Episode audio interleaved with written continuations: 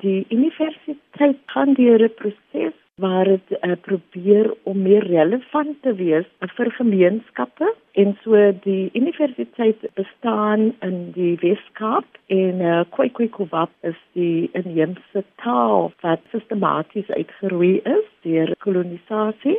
En dit is daarom verskriklik belangrik dat die mense van hierdie gebied waar die universiteit gestig is wat hulle verloor het deur teruggebring word. Bam Hutchison sê die kursus strek oor 3 maande en word deeltyds in die laatmiddag aangebied. Aan die einde van die 3 maande in die kursus sal daar dan sertifikate toegekend word aan almal daardie studente of wat die dis nou studente wat nou almal insluit met die gemeenskap wat die kursus voltooi het. So dit sal 'n Universiteit van Kaapstad sertifikaat wees. Sy sê die kursus sal deur bekwame en ervare leermeesters aangebied word. Die hoof elektrise gaan wees 'n baie vername Khoikhoi Kowap onderwyseres. Haar naam is Dorothea Davidson, Februarie van Namibia en sy het groot kennis en sy het ook ervaring, 'n gekwalifiseerde Khoikhoi Kowap krise. So sy gaan die klasse aanbied en dan is daar 'n assistent Bradley van Sitters wat 'n aktivis is en wat ook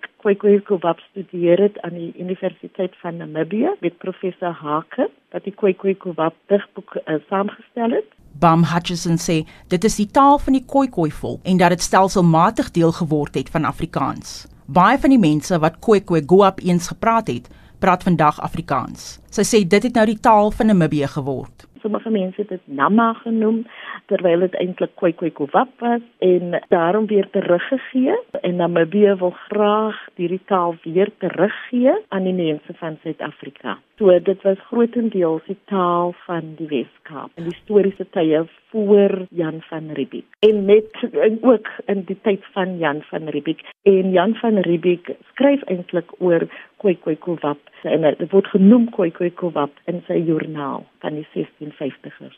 Studente en ander belangstellendes wat nie die kursus kan bekostig nie, sal deur die Universiteit van Kaapstad gesubsidieer word in 'n poging om dit meer toeganklik te maak. So 'n kursus kos gewoonlik omtrent R3000 of R5000 as ek korrek is. So die Universiteit van Kaapstad kan hierdie kursus subsidieer vir mense van die gemeenskap. 'n Baie belangrike um, boodskap oor waar die universiteit staan in terme van opvoeding uh, mens kan dit ook nou nie vir almal verniet gaan aanbied nie. En sommige mense kan dit bekostig en anders kan nie.